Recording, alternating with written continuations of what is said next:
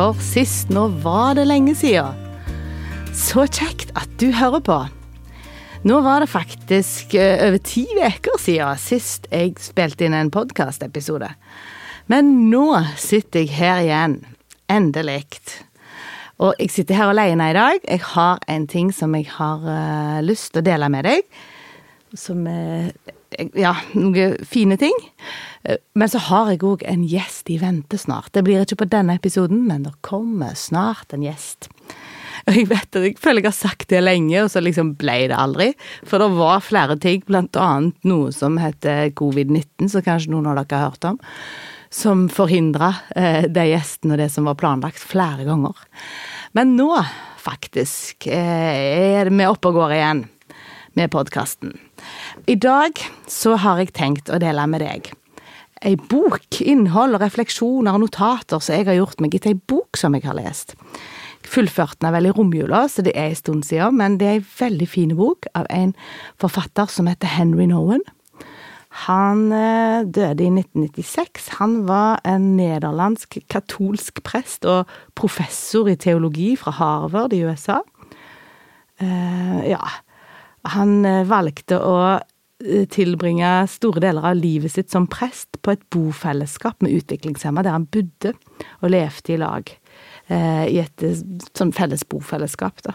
Han har skrevet veldig mye fine bøker. Har delt veldig mange fine refleksjoner. Sitater og sånt fins det òg av han. Eh, men den boka som jeg har lest nå, den kom ut første gang, tror jeg, på 90-tallet. Eller gjerne før det, jo, det vet jeg ikke, men hun er iallfall kommet på nytt, liksom, nytt opplag nå, så er i butikkene. Og den heter Den bortkomne sønn vender hjem. Så her kommer mine refleksjoner eh, og utdraget fra den boka, for dette var en bok som gjorde veldig inntrykk på meg. Og det som han Henry Nowen skriver om her, det er om hans erfaringer og møte med eh, Rembrandt sitt maleri. Jeg vet ikke om dere har hørt om Rembrandt. Han var en verdenskjent maler. Nå vet jeg ikke når han levde, men eh, det var lenge før Henry, Henry Nowen. Eh, og han har skrevet et Nei, skrevet Han Rembrandt har malt et maleri om den fortapte sønns gjenkomst. Og så er det på en måte han Henry Nowen som skriver om sitt møte med det maleriet. Og hvilken reise det har tatt han på, da. For det maleriet gjorde et veldig sterkt inntrykk på han. Og første delen av boka og historien så ser vi ting fra sønnen sitt perspektiv. Um, ja. Og det er, jo, det er jo sånn vi er mest vant med liksom å høre den fortellingen nå. Det er om den bortkomne sønnen som vender hjem. Og det er vel han som på en måte er hovedpersonen i fortellingen som Jesus forteller, da. Eh, så det er jo på en måte kanskje logisk å begynne der. Og jeg tror at vi alle egentlig lengter etter en sånn hjemkomst som den sønnen har som den han får. Eh, et lite tips som jeg kan gi til deg, hvis du Jeg vet ikke hvor du er og hva du gjør på nå, men hvis du har en telefon tilgjengelig, så kan du godt google eh, det bildet. Altså hvis du trykker Rembrandt og Den fortapte sønns hjemkomst, så vil du få opp det bildet eh, som han Rembrandt malte, da. For jeg kommer til å fortelle litt om det bildet. Men i alle fall. Det var en del kjennetegn på denne yngste sønnen. Um, det er at han uh, hadde et radikalt brudd med far, der han velger å dra ifra han. Uh, han velger å bryte med far, han velger å bryte med familien sin. Han har en henfallenhet til verdens måter, og til livet i verden. Han gir seg hen til den måten å leve på. Eh, han følger de stemmene eller den retningen for livet. Han, han satser livet sitt på det. Eh, og så har han en smertefull erkjennelse, og han erfarer ydmykhet etterpå. Så det er tre sånne kjennetegn som, eh, som går igjen. Og jeg tror at det, ja, han Henry Nowen Alt det som jeg sier nå, er jo basert på at han Henry Nowen sier det, men jeg er veldig enig med han, så jeg sier jeg sier. Um, for han, han Henry Nowen snakker om at vi lytter til så mange stemmer, men at uh, i historien om når Gud møter Elia i første kongebok, så var ikke Gud i stormen og ikke i jordskjelvet, men i den svake stemmen. Uh, og at kanskje er det ofte sånn for oss òg, at vi vi lytter etter Gud i så mange andre ting, liksom, og når det er dramatiske ting rundt oss, gjerne. Eh, men så er kanskje Gud er i den stille, stille, ømme berøringen som kommer etterpå. Og så sier Ann Henry Nowen at eh, verden har en høylytt stemme, og den stemmen roper gå ut og bevis at du er verdt noe. Uh, og det er kanskje det den sønnen her gjør. da. Han går ut i verden for å bevise at han er verdt noe, for at han er noe. Uh, og vi vet at Jesus, han måtte 40 dager ut i ørkenen og utsettes for disse stemmene. Om alt annet, om alle fristelser. Det var etter han hadde fått høre at han var den elskede. Først så sier Gud til Jesus at han, Jesus, du er min elskede sønn, som jeg har behag i. Og så ble Jesus utsatt for de stemmene som prøver å lokke han til all slags. Så jeg vet ikke om du kan gjøre deg noen refleksjoner rundt det i ditt liv. Hvem er det jeg tilhører? Eh, hører jeg til Gud, eller hører jeg til verden? Så sier han Henry Nolan at vi løper rundt og spør elsker du meg? Og så svarer verden ja, hvis du er pen. Ja, hvis du er smart. Ja, ja, hvis du er flink. Det sier verden. Det er alltid et hvis. Og så blir vi slaver under det visse. Verden vil aldri kunne tilfredsstille det hjertet vårt egentlig lengter etter. Og den henfallenheten til verden eh, og verdens eh, på en måte jag, da, det forklarer bortkommenheten. Det å være bortkommen. Og vi er faktisk alle så høyt elska at vi har den friheten til å reise hjemmefra, sånn som sønnen gjorde. Og det som han faktisk gjør, og ber om å få arven sin og oppgjøret, det, det, er veldig radikalt. I, I, de aller fleste kulturer som vi kjenner i dag, så er det radikalt å kunne gjøre det og si kan jeg få arven min, altså mens far ennå lever? Det er ganske uh, frekt, egentlig, gjort. Uh, men det er det denne sønnen gjør. Han, han uh, er faktisk så Han bryter så sterkt når. Han sier omtrent at det er samme for meg om du lever eller dør. Det driter jeg i. Jeg vil ha det som er mitt, og jeg vil ut og prøve verden. Um, og han er henfallen til verdens måte uh, å bevise at han er verdt noe. Han vil ut der og bevise at han er noe. Uh, han, han, skjønner ikke hvor høyt elska han er. Men det er faktisk nettopp det at han er elska så høyt, så gir han den friheten. Det at han faktisk får sin del av arven og drar ut. Og på dette maleriet så er det en liten detalj eh, på den sønnen. Det er litt sånn mørkt i skyggen. Han, sønnen kneler, eh, og så ser vi liksom på sida hans så henger det eh, et lite sverd eller en liten Eller en, en dolk eller en kniv, eller ja. Og det, den kniven var nok et, eh, et tegn på verdighet eh, som han hadde bevart.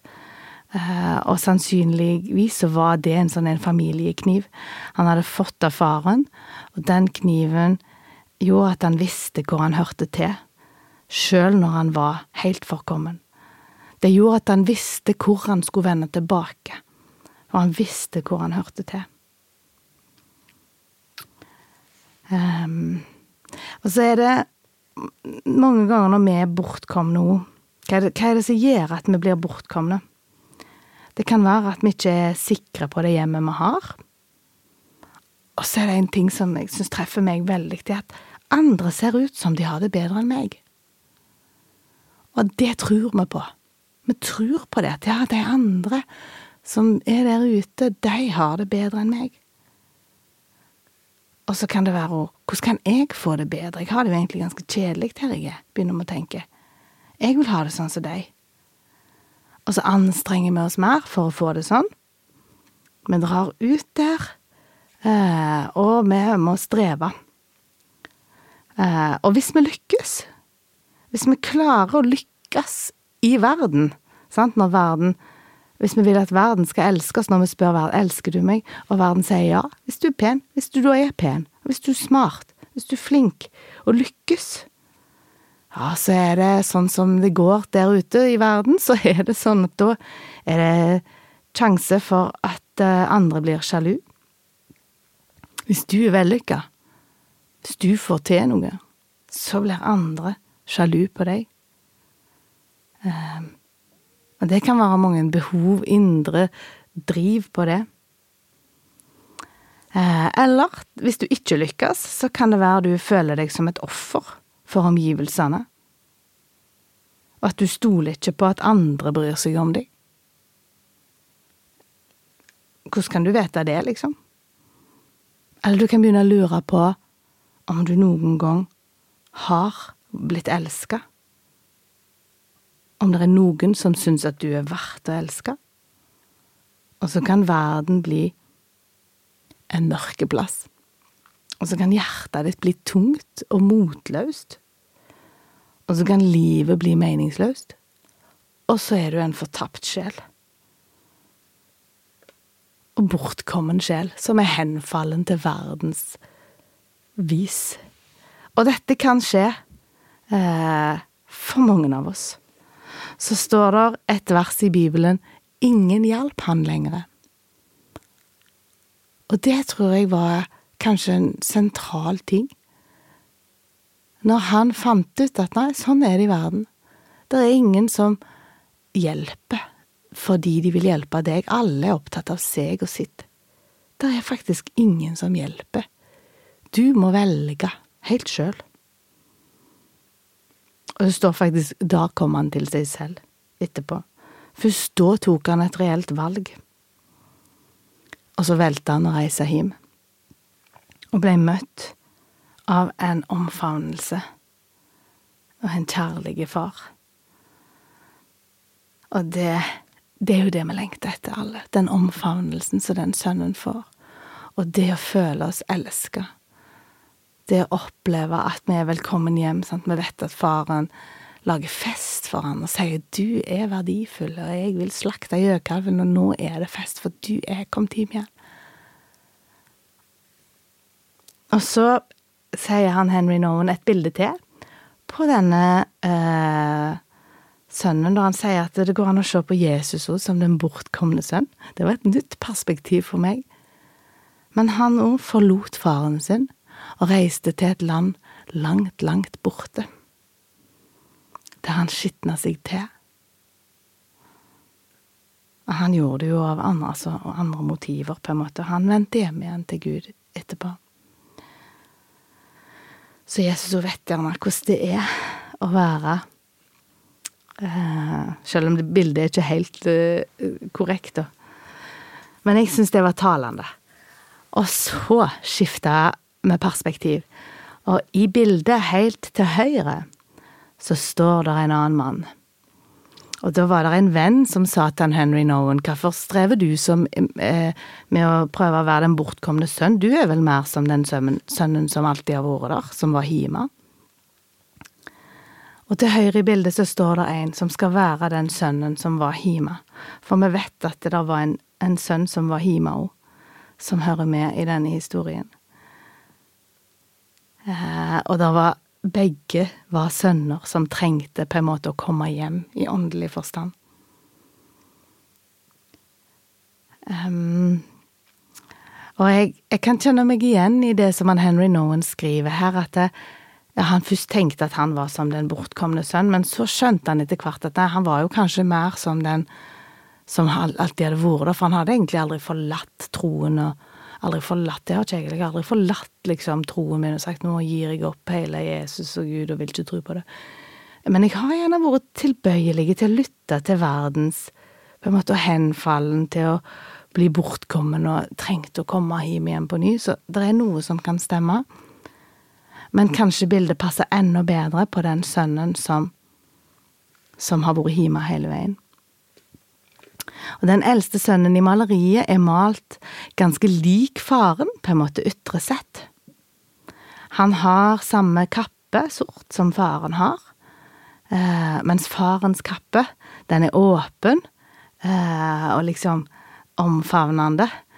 Mens eh, sønnen sin kappe, den er ganske sånn, den henger strengt rett ned og er litt lukka, og hendene hans er lukka, eh, og han står veldig sånn rak i ryggen.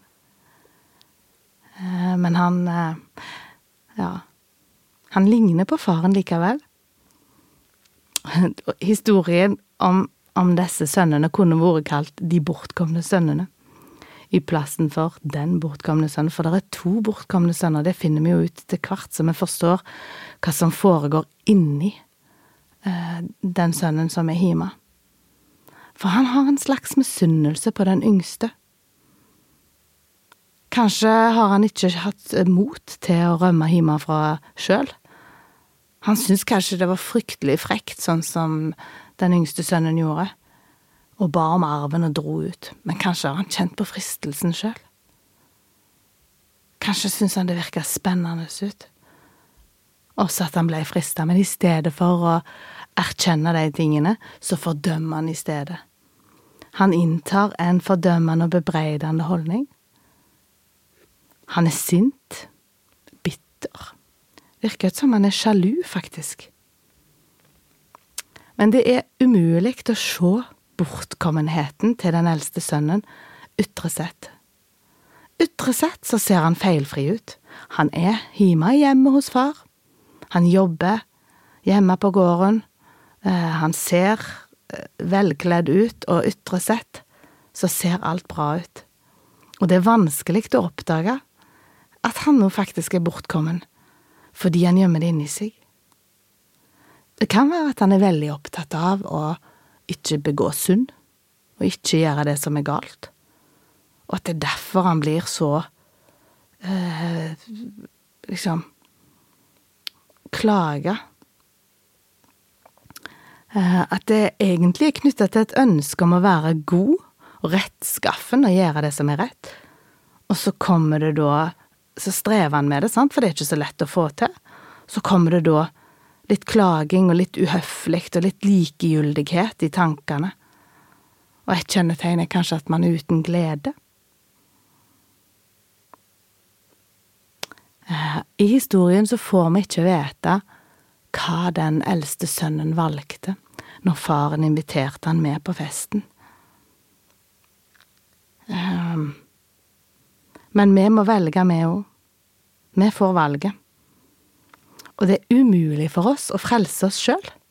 Det er Gud som må gjøre det. Og i møte med denne sønnen så kan det virke ut som om bitterhet og bebreidelse kan være knytta til det å være lydig og pliktoppfyllende. At først så kommer der lydighet og pliktoppfyllenhet der man forsøker i egen kraft å gjøre det som er rett, og så etterpå så kommer det bebreidelse og bitterhet. Og dette kan jeg kjenne igjen i mitt liv. I det øyeblikket jeg ønsket at mitt edleste skulle komme til uttrykk i det jeg sier og gjør, så blir jeg fanget av bitterhet og sinne.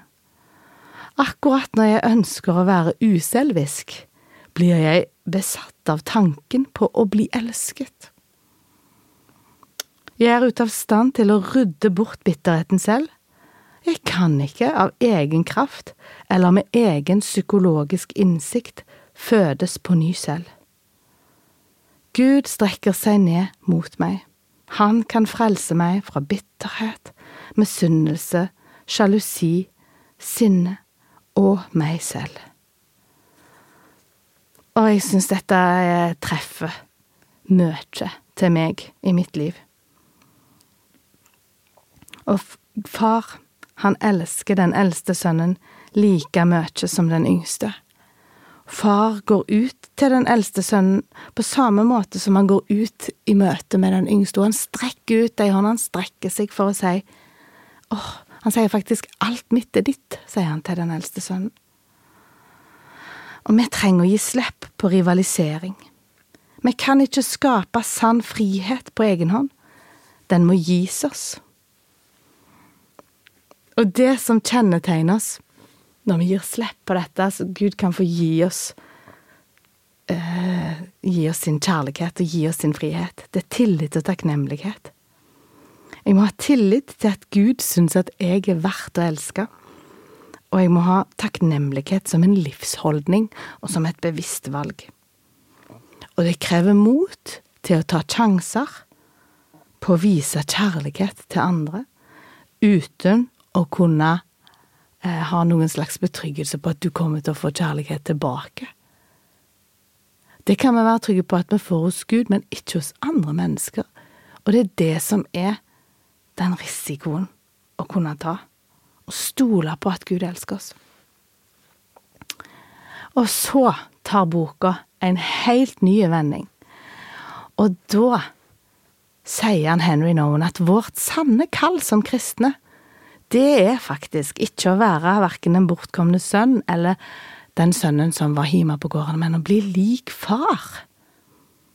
Å bli lik denne faren, som lengter, og som viser omsorg og kjærlighet. Og det var for meg en ny tanke, og en ny måte å tenke om denne historien på. Denne faren, det er han vi skal bli lik. Vi skal strebe etter å å vise Gud sin kjærlighet. Og han eh, Rembrandt har valgt å male denne faren som en blind, gammel mann. Og denne kjærligheten er for stor til å bruke autoritet. Den gir full frihet til å gjengjelde eller ikke. Både de barna som velger å dra ut, er fri til å gjengjelde kjærligheten, eller ikke, og de barna som blir hjemme, er fri til å gjengjelde kjærligheten, eller ikke. Vi må velge sjøl.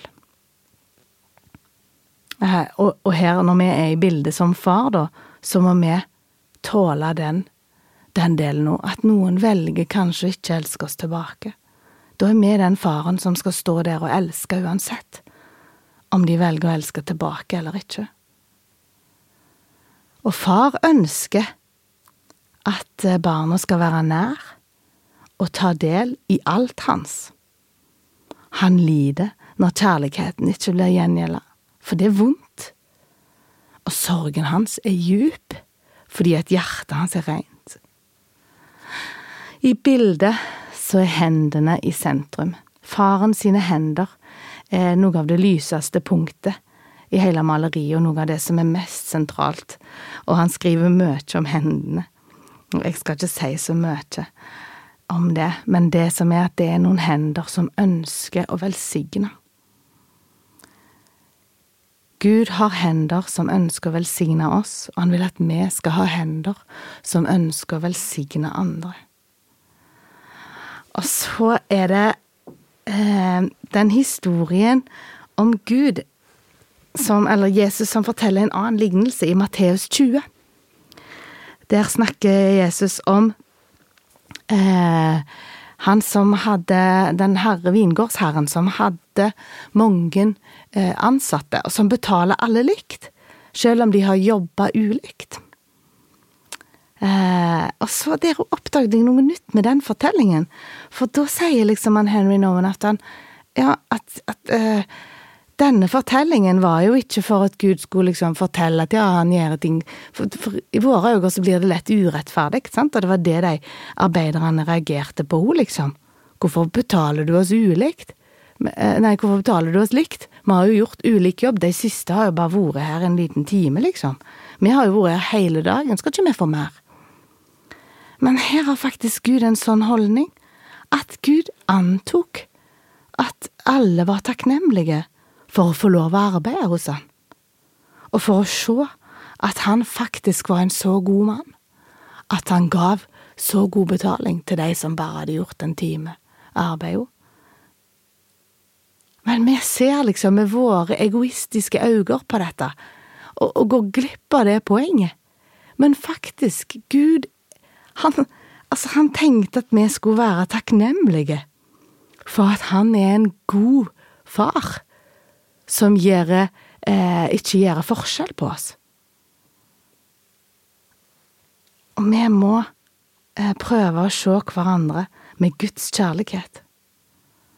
Og ikke se med øynene til våre egne sjølbilder, eller enten om de er nedtrykte eller oppblåste, så blir det feil. Men Gud faktisk ønsker og antok at vi var takknemlige for at han betalte like mye til de som hadde bare vært der en liten stund, som de som hadde vært der mye. Og den syns jeg var ja. Så hvordan skal vi da la oss sjøl bli elska av Gud? Det er en invitasjon til gleden. Og vi må gi slipp på den kampen eh, om å holde fast liksom på vårt eget. Eh, og så må vi la Gud få lov å elske oss. Han har lagt ned noe godt i oss, og han ønsker å gi meg sin første kjærlighet, og han ønsker å gi deg sin første kjærlighet. Det å bli som denne faren, da, det er faktisk et steg i ensomhet, sier han Henry Nowen. Og jeg forstår hva han mener, for det er en sjanse å ta, å tørre å elske noen uten å være sikker på om de gjengjelder det. Det å elske noen og på en måte gjøre seg sårbar uten å, å, være sikker på om de kommer til Eller å la de få den friheten og elske deg tilbake eller ikke. I Lukas 6, 36 så står det 'Vær barmhjertige, slik deres far er barmhjertig'. Det er ingen barmhjertighet uten mange tårer fra hjertet. Å bli sånn som far, det er umulig for oss uten å noe sorg, uten å kjenne på vonde ting, uten tilgivelse og uten sjenerøsitet. Så målet vårt er å følge det kallet. Til å være i det hjemmet, og være eh, både litt av sønnen, hvis vi trenger, hvis vi har vært bortkomne, så trenger vi å komme hjem som sønnen. Og motta den tilgivelsen. Og den kjærligheten. Og vi trenger, hvis vi er som den sønnen som har vært hjemme hele veien, å gi avkall på den bitterheten og, og, den det sinnet som vi har inni oss, og, og den der egen rettferdigheten, og rett og slett bare se at vi jo er elska og verdifulle, at vi har alt vi trenger i Gud. Og målet vårt er å forsøke å bli som den faren som kan elske de som er satt rundt oss, uten å være eh, noen form for garanti for at vi blir elska tilbake. Men å rett og slett likevel gjøre oss sårbare, og vise i handling eh, kjærlighet vise hengivenhet, tilgivelse sjenerøsitet og kjærlighet. Ja. Jeg håper at uh, det var det jeg hadde tenkt si. Jeg håper at uh, du likte det du hørte, eller at noe av det kanskje ga mening for deg. Eller kanskje det ikke gjorde det. Kanskje du gleder deg til neste episode når jeg skal snakke i lag med noen, at kanskje det er kjekkere. Uh, der er vi forskjellige. Men jeg har lyst uansett å takke deg for at du lytta på. Så har jeg lyst, helt til slutt, å be i korte bønn og lese velsignelsen. Gode far, jeg har lyst til å takke deg for at eh, du er Gud, og for at du har den kjærligheten som du har til oss, Herre. Takk for at du elsker meg, og takk for at du elsker de som lytter på, og takk for at du forstår dette Herre bedre enn vi gjør sjøl. Takk for at du kan vise oss din kjærlighet på måter som overgår vår forstand. Herre, jeg ber om eh, at du må komme med ditt lys over livene våre nå, at du viser oss det vi trenger å sette fokus på, hvem vi ligner mest på i denne fortellingen, eller hvem du vil at vi skal, hva for noen steg du vil at vi trenger å gjøre nå. Ber om at du kommer med ditt lys på livene våre og forteller oss det. Jesus, nå legger vi oss i dine hender og takker deg. Herren velsigne deg og bevare deg. Herren lar sitt ansikt lyse over deg og være deg nådig. Herren løfter sitt åsyn på deg og gir deg fred. Amen. Tusen takk for at du lytta. Så snakkes vi om ikke så lenge. Hei, hei!